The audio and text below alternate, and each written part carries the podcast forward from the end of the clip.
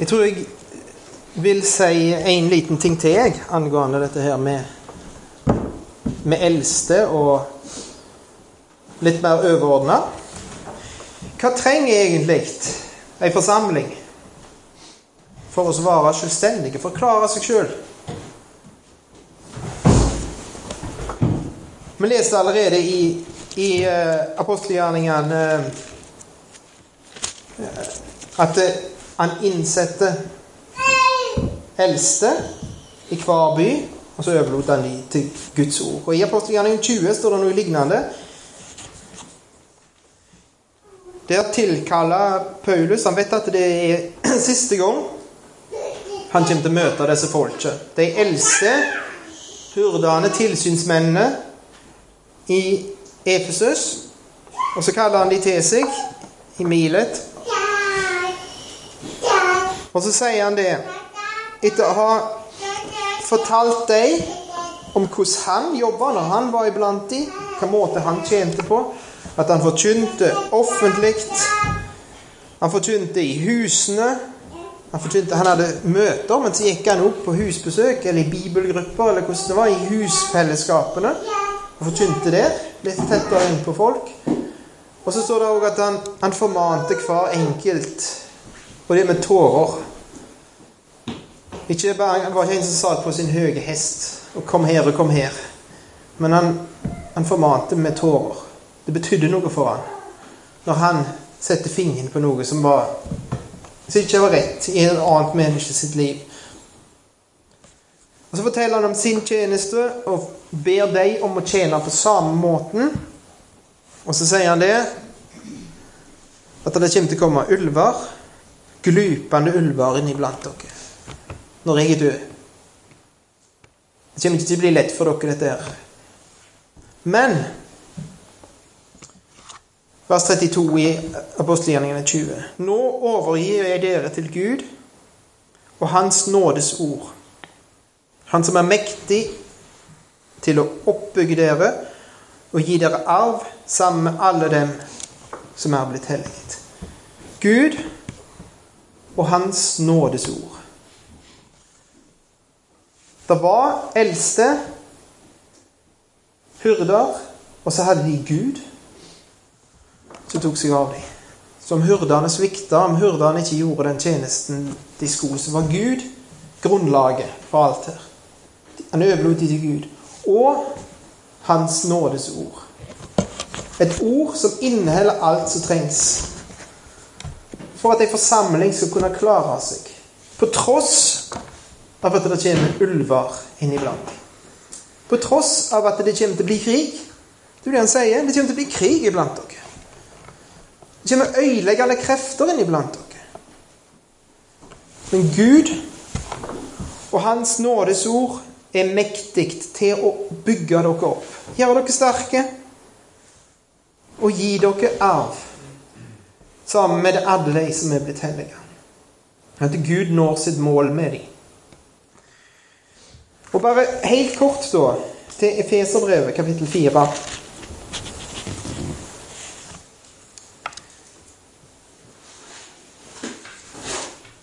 Her står det om en som tok noen fanger, og så gav han dem noen mennesker. Sånn som Paulus, f.eks. Så gav han de til menigheten. Og det står der i vers 11 i kapittel 4. Han er det som ga noen til apostler, noen til profeter, noen til evangelister, noen til hyrder og lærere.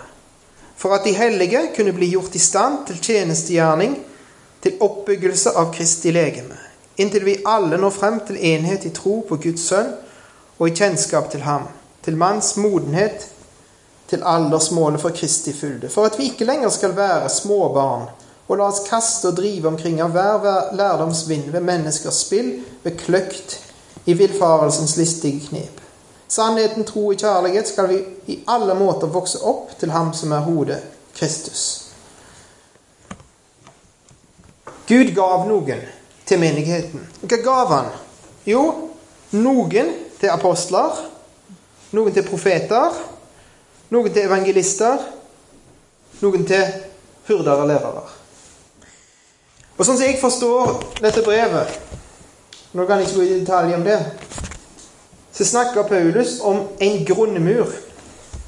Han snakker om det som om Gud holder på å bygge et hus, som er hans menighet. Og da er det ikke bare Guds menighet her på Gjelvik, men Guds menighet i alle tider. Og Guds store, verdensvide menighet, som ble begynt, der byggearbeidet begynte for 2000 år siden på pinsedag. Og når Gud bygger et hus, sier han det samme som vi gjør når vi bygger et hus. Vi bygger en grunnmur først. Og Det står i kapittel 2 i Feserbrevet at dette huset er bygd på apostlene og profetene sin grunnvoll. Så de gavene de la han ned i bånn. Og Det ser vi i åpenbaringen. På slutten av åpenbaringen ser vi Guds menighet komme ned. Det nye Jerusalem. Og hva ligger på grunnsteinene? Der står navnene på Herrens tolv apostler. Og Da kan vi jo dra inn det som, Gud, det som Jesus sier til Peter om at han vil bygge sin menighet. Han er en av de som fikk være en grunnstein i Guds menighet. Det var grunnvoll. Hvor har vi det? Vi har de her. I Det nye testamentet så har vi apostlene og profetene. Hadde Gud sendt apostler og profeter til oss i dag, så var det det de hadde forkynt. Vi vet hva det ville sagt til oss. Apostlene og profetene ligger i grunnmuren, og vi har de. De er der. For alt arbeid i Guds menighet skal bygge på apostlene og profetene. Hvis vi bygger noe utenfor, så har det ikke grunnmur. Det blir ikke stående. Men helt likvis, holdt på si, så er det ikke bare noe som vi har i denne boka. Men Gud gav to gaver til, så langt jeg kan se. En utenrikstjeneste og en innenrikstjeneste. En utenrikstjeneste som heter evangelister, som går ut og skaffer nye steiner til dette byggverket. Nye folk som vinner mennesker for Jesus med evangeliet. Går ut med det gode budskapet. Bygningsarbeidere som skaffer bygningsmaterialer. Og så er det noen som jobber med de som er i bygningen. De som er en del av Guds hus. Hyrder og lærere. Av og til tror jeg det er de samme folka som er både hyrder og lærere. For, hyrder, for eldste eller hyrder skal være i stand til å lære andre, står det. Men noen har nok bare en undervisningstjeneste. Og hva er målet med dette? Jo, at alle ikke bare de der som står på plattformen, de som er lederne i menigheten. Vi liker det ordet 'ledere' i dag. Men egentlig er det mer tjenere enn ledere vi leser om her. Det er ikke bare de, men hele Guds legeme. Alle skal bli satt, sett i stand til tjenestegjerning. Alle skal forlate barnestadiet åndelig sett. Bli modne, stødige kristne som står i stormen. Og hva trengs for det? Vi trenger Gud og Hans nådes ord. Og så trenger vi evangelister og hyrder og lærere. I dag så bygger vi på apostlene og profetene som grunnvoll. Det er det vi trenger. Og da har vi det vi trenger. Og da har de det de trenger i, på Kreta. Og det er derfor Paulus sier at her må du ordne noe. Kunne ikke, du kunne ikke reise herifra, Titus. Jeg reiste, men du kunne ikke bli med meg. Du måtte bli igjen for å ordne det som gjensto. Det mangla noe på Kreta. For at det skulle bli en selvstendig menighet. Skulle klare seg sjøl. Nemlig eldste i hver by. Og så begynner det et avsnitt vi skal begynne på nå. Ifra kapittel 2, der det, vers 1, der det står om hva Titus skulle gjøre. Og det han skulle gjøre, det var å bruke ord. Og hva ord var det han skulle snakke? Hva var det, hva var det Titus skulle si? Det som er interessant her, det er at Titus skulle tale slik det sømmer seg for den sunne lære, eller taler det som sømmer seg for den sunne lære. Og så er det ekstremt konkret. Det handler om det daglige livet deres. Det er ting som, som treffer Hvis vi leser dette her, så de skulle få høre, så treffer det oss òg. Det pirker borti ting i livet vårt som kan være litt ubehagelig å bli minnet på. Ting som, som må forandres. Som opplever at her er det noe som mangler i mitt liv. Noe som ikke er Noe som gjenstår i mitt liv. Og det er sanne forkynnelse av Guds ord. Den forteller ikke bare ei gru med fakta. Flotte, usynlige, opphøyde ting, og så går han. Og så er alle glad for det. Og så er det ingenting som blir konkret, ingenting som blir praktisk, ingenting som blir noe som faktisk blir kjøtt. Ordet blir kjøtt.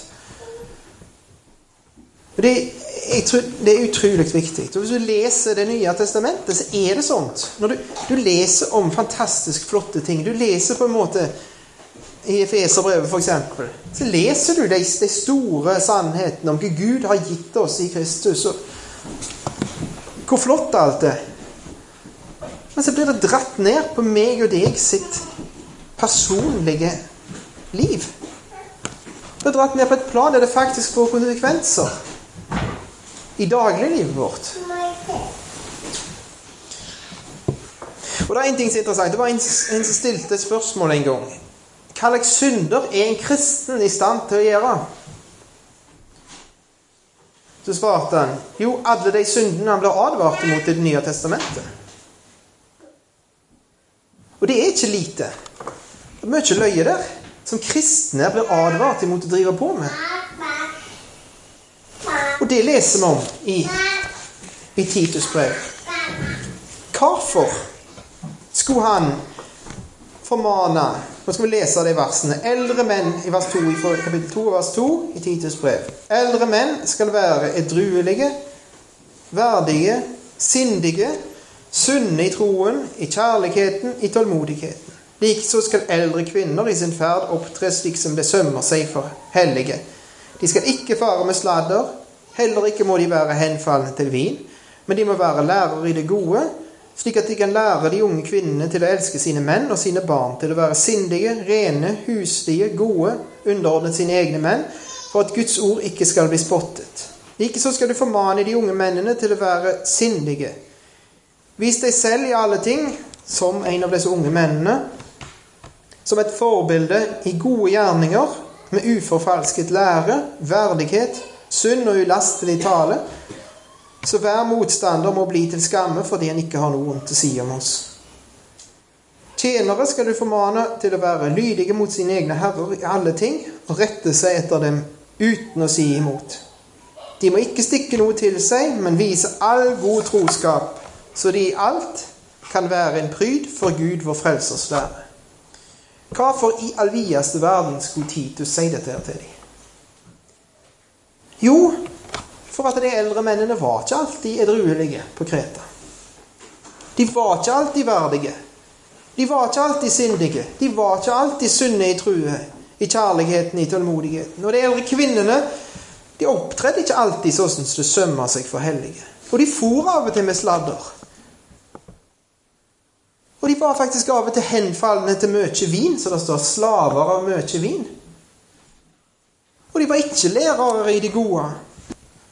Og lærte ikke de unge kvinnene å elske sine menn og sine barn. Og de unge kvinnene hadde problemer på de områdene. Og de unge mennene hadde ikke sjølkontroll. Og de drev ikke med uforfalska lære alltid. De var ikke verdige alltid. Og de førte ikke alltid sunne og ulastelige tale. Det var problemet. Og Det er sikkert problemet her òg, til en viss grad. Og det er problemet alle veier, til en viss grad. I større eller mindre grad. Det er sånne ting i våre liv. Ting som ikke skal være der. Ikke hører hjemme iblant Guds folk. Et eiendomsfolk som med iver gjør gode gjerninger. De skal ikke holde på med sånne ting. De skal ikke være preget av sånne ting. Og Derfor så sier, sier han til Titus Sett fingeren på dette her. Og Det er så interessant her. Det står mange ganger ordet synd her. Altså ikke synd med YND, men UNN. Synd. Sunnhet. Det står i kapittel 1 så står det om, om den, den sunne lære i, eh, i vers, uh, vers 9. vers 9. Om den sunne lære. Det står om, om å være sunn i troen i vers 13. Så står det igjen i kapittel 2 vers 1 sunne lære, sunne i troen i vers 2. Sunn og ulastelig tale i vers 8. Hva er sunnhet? Hva er du når du er sunn? Da er alt i orden, da. Da funker kroppen din sånn som den skal.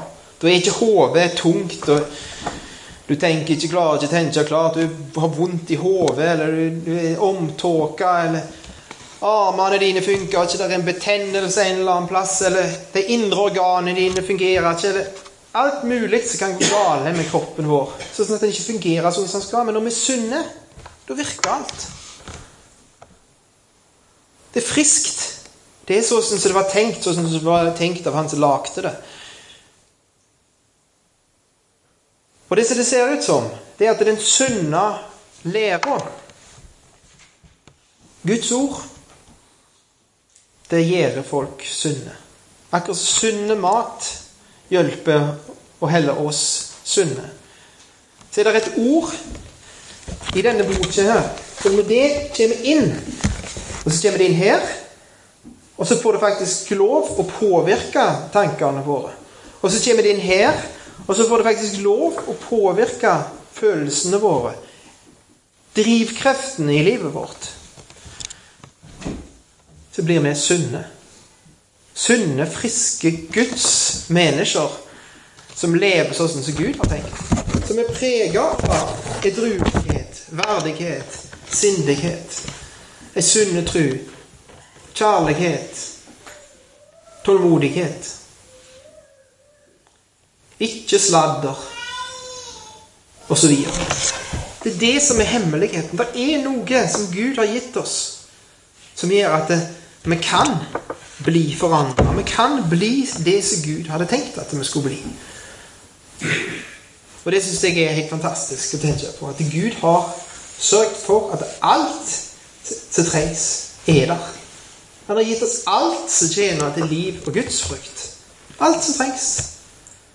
Han har åpna ressursene sine og stilt de til rådighet for oss. Så jeg tida går her, så jeg slipper jo å gå inn på det, de kontroversielle tingene her. Står i disse versene med menn og kvinner og alt dette her. ikke det er greit?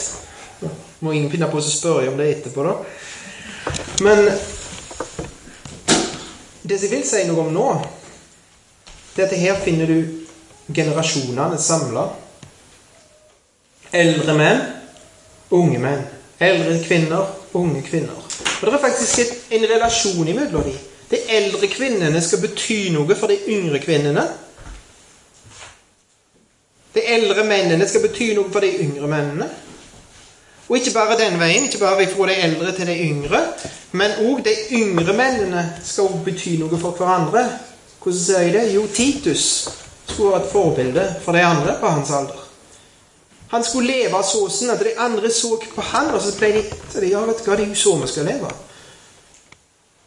Og de eldre kvinnene skulle bruke den livserfaringen de hadde, det gudslivet som hadde fått utvikle seg hos dem i et langt liv det skulle de bruke til å hjelpe de yngre kvinnene. Og de eldre mennene skulle være forbilder for de yngre mennene. Det som jeg kommer ifra, der skjer ikke dette. Ganske enkelt for at unge eldre er ikke i lag i det hele tatt. Det er vanntette skott mellom unge eldre. Når jeg går på møte på søndagskvelden, så er, jeg, det ikke sjelden at jeg med mine 42 år, hvis jeg ikke har med meg noen av ungene mine, så er jeg yngstemann. Og det er stort sett grått. Og sånn er det ikke bare på Oppdra. Sånn er det mange plasser. Så er det et ungdomsarbeid. Det er gru med ungdommer som samles på bedehuset. tenåringer og unge ungdommer. Og det er et unge voksne-arbeid. Et slags Så, så det er òg samles mange. Men det er, det er ingenting med hverandre. De eldre har ingen mulighet til å være forbilder for de yngre. For de er aldri i lag. For De yngre har ikke eh, muligheten til å holde liv i de eldre, for det, litt, det, litt, det går litt andre veien òg. Du stivner ikke som eldre menneske hvis at du er i lag med yngre folk. Kanskje dette er hemmeligheten til han Caleb som leser om Det må være et forbilde for dere som er grå i håret. Jeg er bare litt grå i skjegget foreløpig. Ja, jeg er visst gått opp òg. Men Caleb, tenk på han. Han måtte gå 40 år i ørkenen. Han skulle egentlig inn i landet, han. Han ville inn i landet. Og så måtte han gå 40 år i ørkenen. Og den ene etter den andre av kameratene hans døde. Hans jevnaldrende. Til slutt så var det bare han og ungdommen. Han og Josva, altså ungdommen, som var der. Men når de kommer inn i landet så sier ikke Caleb vet du hva, nå har jeg vært med i arbeid i hele mitt liv. Nå er det på tide at noen andre overtar. altså. Nå må jeg få lov å reise ta, så tar meg en sydenferie og bare noen måneder i Syden og slappe av. Nå, har, nå får noen andre overta. Nå går jeg av med pensjon i Guds rike. Det skal Caleb sier Han sier ikke 'gi meg ei lett oppgave' heller. Gi meg noe av det letteste. Men vet du hva han sier? Jo, han sier det gir meg den vanskeligste oppgaven av alle. Det var noen kjemper her i landet. Og de kjempene, det var det som fikk de andre speiderne til å si at vi kan aldri gå inn i dette landet. Vi må ikke finne på å gå inn i dette landet. Det var det som fikk som holdt oss ute. Disse kjempene. Så de andre sa at de kommer aldri til å vinne over. Gi meg dem. De skal jeg ta. I Guds kraft. Tenk om det kunne vært så. Men det er eldre menn, er eldre kvinner i Guds menighet. Og tenk om vi som er yngre, kan bli sånt. Kan leve sånt at vi er den sorten når vi blir gamle og grå.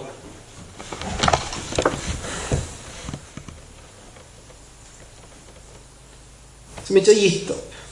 Som kjemper til siste slutt. Så det er noen unge som ser.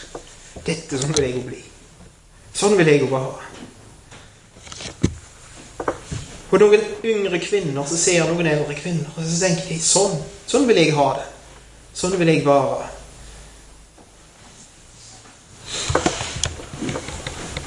Hvordan oppnår Gud dette? her? Det er fantastiske ting.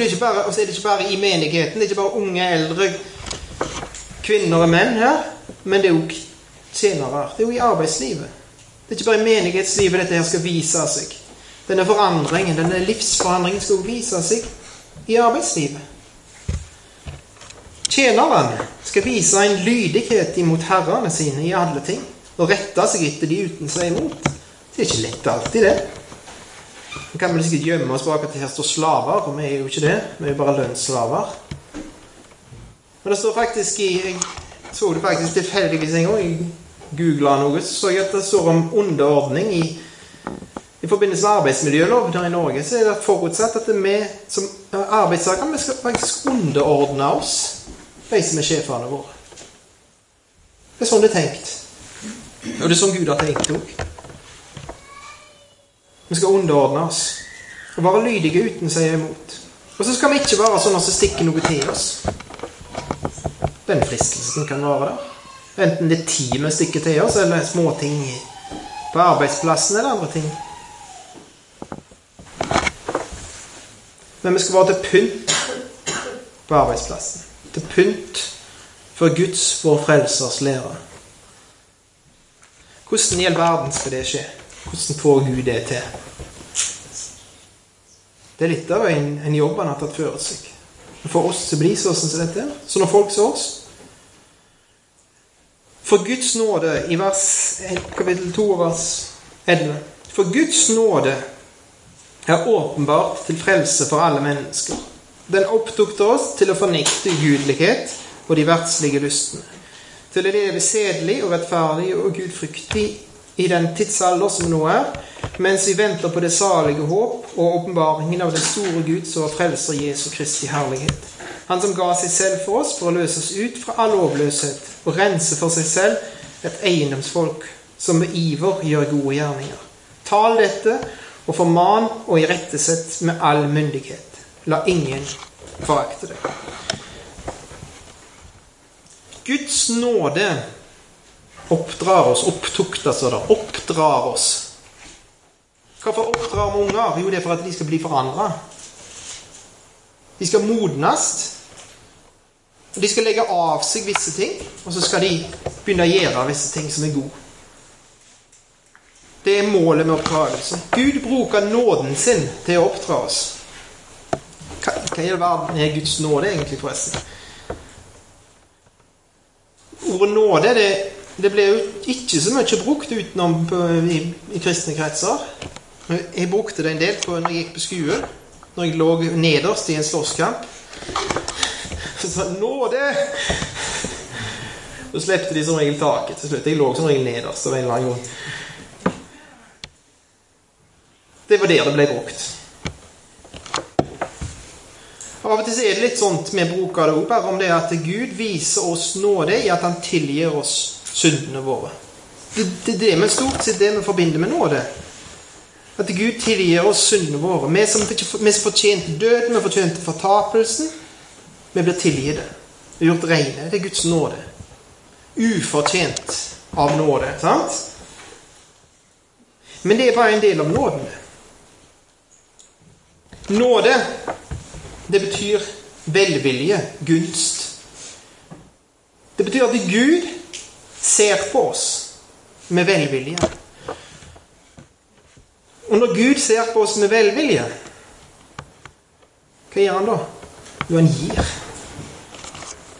Og ikke bare at han gir litt, men han åpner hele sitt skattkammer for oss. Og så sier han vær så god, her er alt du trenger. Det står til rådighet for deg. Nåde På, på gresk så er det så er ordet nåde, ordet gave og ordet takk i slekt med hverandre. Nåde det er det som du bare kan si takk for. Når jeg får lønnsslippen den tiende hver måned, så jeg, skriver jeg ikke en takk, et takkebrev til til sjefen, selv om jeg kanskje av og til burde gjort det. For generelt sett så, bør, så skal jeg fortjene det jeg får. Jeg takker, jeg har jobba for det. Men hvis jeg får en presang, så takker jeg for det. Og Gud Nåde er det som Gud gir oss.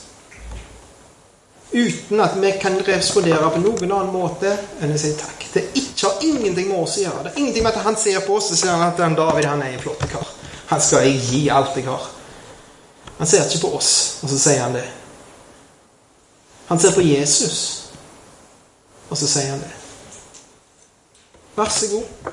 På grunn av min sønn, som jeg er så glad i, som jeg er så fornøyd med, så skal jeg gi deg alt. Jeg skal gi deg tilgivelse. Jeg skal tilgi deg alt. Jeg skal slette ut din synd. Helt ufortjent. Du fortjener det motsatte, men du skal få det. Og så skal jeg gi deg alt du trenger for resten av livet. Til å leve et liv som er det gode, rette, sanne, evige livet. Det er Guds nåde. Han har gitt oss alt. Og så har han stilt alle sine ressurser til rådighet for å oppdra oss til å fornekte ugudelighet og de verdslige lystene. Og det første den gjør med oss, det er at den nåden Når vi ser Guds nåde, når vi ser at dette er fullstendig ufortjent, og vi ser at her er det en Gud som ser på meg med velvilje Jeg som fortjente det stikk motsatte så kommer der det ordet som er i slekt med nåde, nemlig takk. Takknemlighet. Og takknemlighet, den gjør noe med meg og deg. Den oppdrar oss. Vet du hva? hvis jeg er så dyrt kjøpt Hvis noen har betalt en så høy pris for meg Da kan ikke jeg heller på med det der greiene som jeg holder på med til nå. Da må det bli en forandring i livet mitt. Vet du hva? Jeg har lyst til å si leve livet mitt for Han, jeg. Den opptok oss til å fornekte ugudelighet. Så vet du hva? Jeg kjenner deg ikke ugudelighet. Jeg kjenner deg ikke verdslige lyster. Jeg vil ikke leve for karriere, for bil, for båt, for makt, for alt som er i denne verden. Kjødets lyst og øynenes lyst og livets hovmod. Det har ikke jeg lyst til å leve for. For jeg er blitt glad i en far som har gitt meg alt. Og det blir minnet på dette. Det oppdrar oss. Det forandrer oss. Sånn at det begynner å bli tendenser til et liv som er rett og godt. Og gudfryktig. Gudfryktig betyr et liv som er innretta etter Gud. Gudelig er det oversett på engelsk. Det er et liv som ikke ville levd sånn som jeg vil, men et liv som er innretta på Han. Hva han vil, hva han tenker, hva han syns er godt. Hva han blir glad for. Å leve sånt midt i den tidsalderen som nå er. Hva tidsalder er det som er nå? Hva tidsalder er det vi er inne i nå? Jo, det er den tidsalderen som har forkasta Guds sønn. Som korsfesta Guds sønn. Til denne verdens første regjere. En ånd som er virksom i vantroens barn. Så står det den tidsalder vi lever i. En tidsalder der hele kulturen og alt drar i en annen retning. Så er det noe som kan oppdra oss til å leve annerledes. Til å marsjere til takten av en annen trommeslager. Til å leve for en annen konge. For vi venter på noe. Vi venter på at det skal en som skal åpenbares en dag. En som skal vises fram en dag. Det kommer en konge. Det kommer et rike. Det kommer en tidsalder. Det er en kommende tidsalder. Og vi har smakt kreftene i den tidsalderen. Vi har smakt hva han vil. Og hva, hva, hva som kommer til å komme. Vi har fått en forsmak ved Guds ånd. Og så venter vi på dette, og så begynner livet vårt. Litt etter litt. Når Guds ord virker på oss, når hurdene arbeider iblant oss. Med Guds nåde så begynner det å skje noe. Det blir et eiendomsfolk som er bare hans. Og som med iver, med lyst, med hjertens lyst, gjør gode gjerninger. Og så er det noen som ser dem. Oi sann. Dette er annerledesfolk. De er ikke sånn som oss, disse. De lever for, for noe annet enn oss. De har andre mål i livet enn oss. De er ikke så opptatt med de tingene som vi er opptatt med. Så det er noe godt i livene deres. Og det kommer noen gode gjerninger fra livene deres. Ei pryd for Gud, vår frelsers lærer. Det er noe tiltrekkende. En pynt. Og det har Gud gitt det som trengs for at det skal oppnås. En ting som har vært diskutert i, i alle året hvis vi skal som du har vi diskutert i skal det være, skal vi innsette folk eller ikke. Skal det være sånn at eh, at det viser seg bare at det er noen på et hvert bedehus som gjør denne tjenesten, og så skal det noen offisiell innsettelse til. Og så har det blitt diskutert ja hvis vi skal gjøre det. Hvordan skal det gjøres? Skal vi ha et valg? Skal vi ha en avstemning? Eller Trengs det apostler og profeter? Da har vi et problem. For å innsette dem. Hvordan skal dette gjøres? Når det gjelder det, det verset i Apostelgjerningen 14 som du spurte om, så, så, tror jeg at det, er det som mennesker med å få tro på, det er at han, han snakker om hele menigheten. At han overgav dem til Herren, som de var kommet til tro på. Etter at han hadde innsett eldste. At det ikke bare var de eldste som ble overgitt til Tror jeg at, sånn det sier det. Men, men, eh, men det var det Paulus og Barnabas som valgte ut folk for dem. Og så er spørsmålet vi har ikke Paulus og ikke Barnabas heller. Men vi vet faktisk hva kriterier Paulus brukte når han skulle velge ut eldste. Det vet vi. For det står i Titus 1, og står i, i 1. Timoteus 3. Og hva de skulle gjøre på, det står i apostelgjerningene 20, blant annet. Og, og, i Peters brev står det noe om det, og, og, og vi kan faktisk lese i Det gamle testamentet. Det, er interessant. I Esekiel så står det om de dårlige hyrdene. Hvis du leser om de dårlige hyrdene, så kan du, lese, kan du forstå hva de gode hyrdene skal holde på med. Og den gode, hva den gode hyrden holder på med, det kan vi lese om i Johannes 10. Og I Salme 23 kan vi lese om hva Herren gjør som hyrde. Både arbeidsbeskrivelsen og kriteriene for å bli utvalgt, de er harde i Bibelen. Og det ser jeg for min del jeg, jeg kan ikke si at jeg har fasiten på dette, her i hele tatt, men hvis jeg har landa på for min del, at det er sannsynligvis ikke så forferdelig viktig hvordan de blir innsatt. Om det blir gjort med et valg, eller om det blir gjort med at noen som et bedehusstyre velger ut noen, eller hva det er, så lenge det er folk som oppfyller kriteriene. Så lenge det er de folket som har en brennende lyst til å ha et tilsynsoppdrag i Guds menighet, og som oppfyller kriteriene, så er det nesten det samme hva, hva måte de blir innsett på. Og det som jeg er ganske sikker på, det er at Guds svar på problemer iblant Guds folk, det er mennesker. Det er ikke først og fremst å skrive alt det Paulus kunne gjort til de Efesus. Han kunne skrevet en trosbekjennelse til. Og så kunne han sagt at når det kommer vranglere, så må dere heller dere til denne her. Den bok jeg har gitt dere. Sånn. Så må dere bruke ei sjekkliste. Men for at dette her ordet her skal bli lært rett, undervises rett, at det skal bli rett liv, ikke folk, så trengs det folk. Gud bruker folk. Eldste, hurder, lærere. Og Får vi tak i de folka, så er det nesten det samme hvordan de blir innsatte. Men så er det spørsmålet skal de innsettes, eller er det sånn, bare sånn nok til at de, at de på en måte bare tar jobben? Det som er ganske tydelig, er at de i Nye testamentet ble innsatt. De ble lagt hendene på. Jeg vet ikke hva dere forbinder med, med håndspåleggelse, men sånn som det ser ut for meg, så er det identifikasjon vi legger hendene på dem, og så sier vi at de er våre representanter. De lar hendene på dem når de sender dem ut. De anerkjenner dem. Dette er våre hyrder. Hva er vitsen med det? For det første så skal de vite sjøl hva ansvar de har. For hvis at det kommer en vanskelig, kinkig situasjon, så er det voldsomt lett jeg vet ikke hvordan dere er, men det er voldsomt lett å trekke seg, trekke seg unna og si at dette får noen andre ta seg av. Dette er nok ikke min jobb. Det er noen andre tider der jeg skal på banen, men akkurat nå så dette får noen andre ta seg av.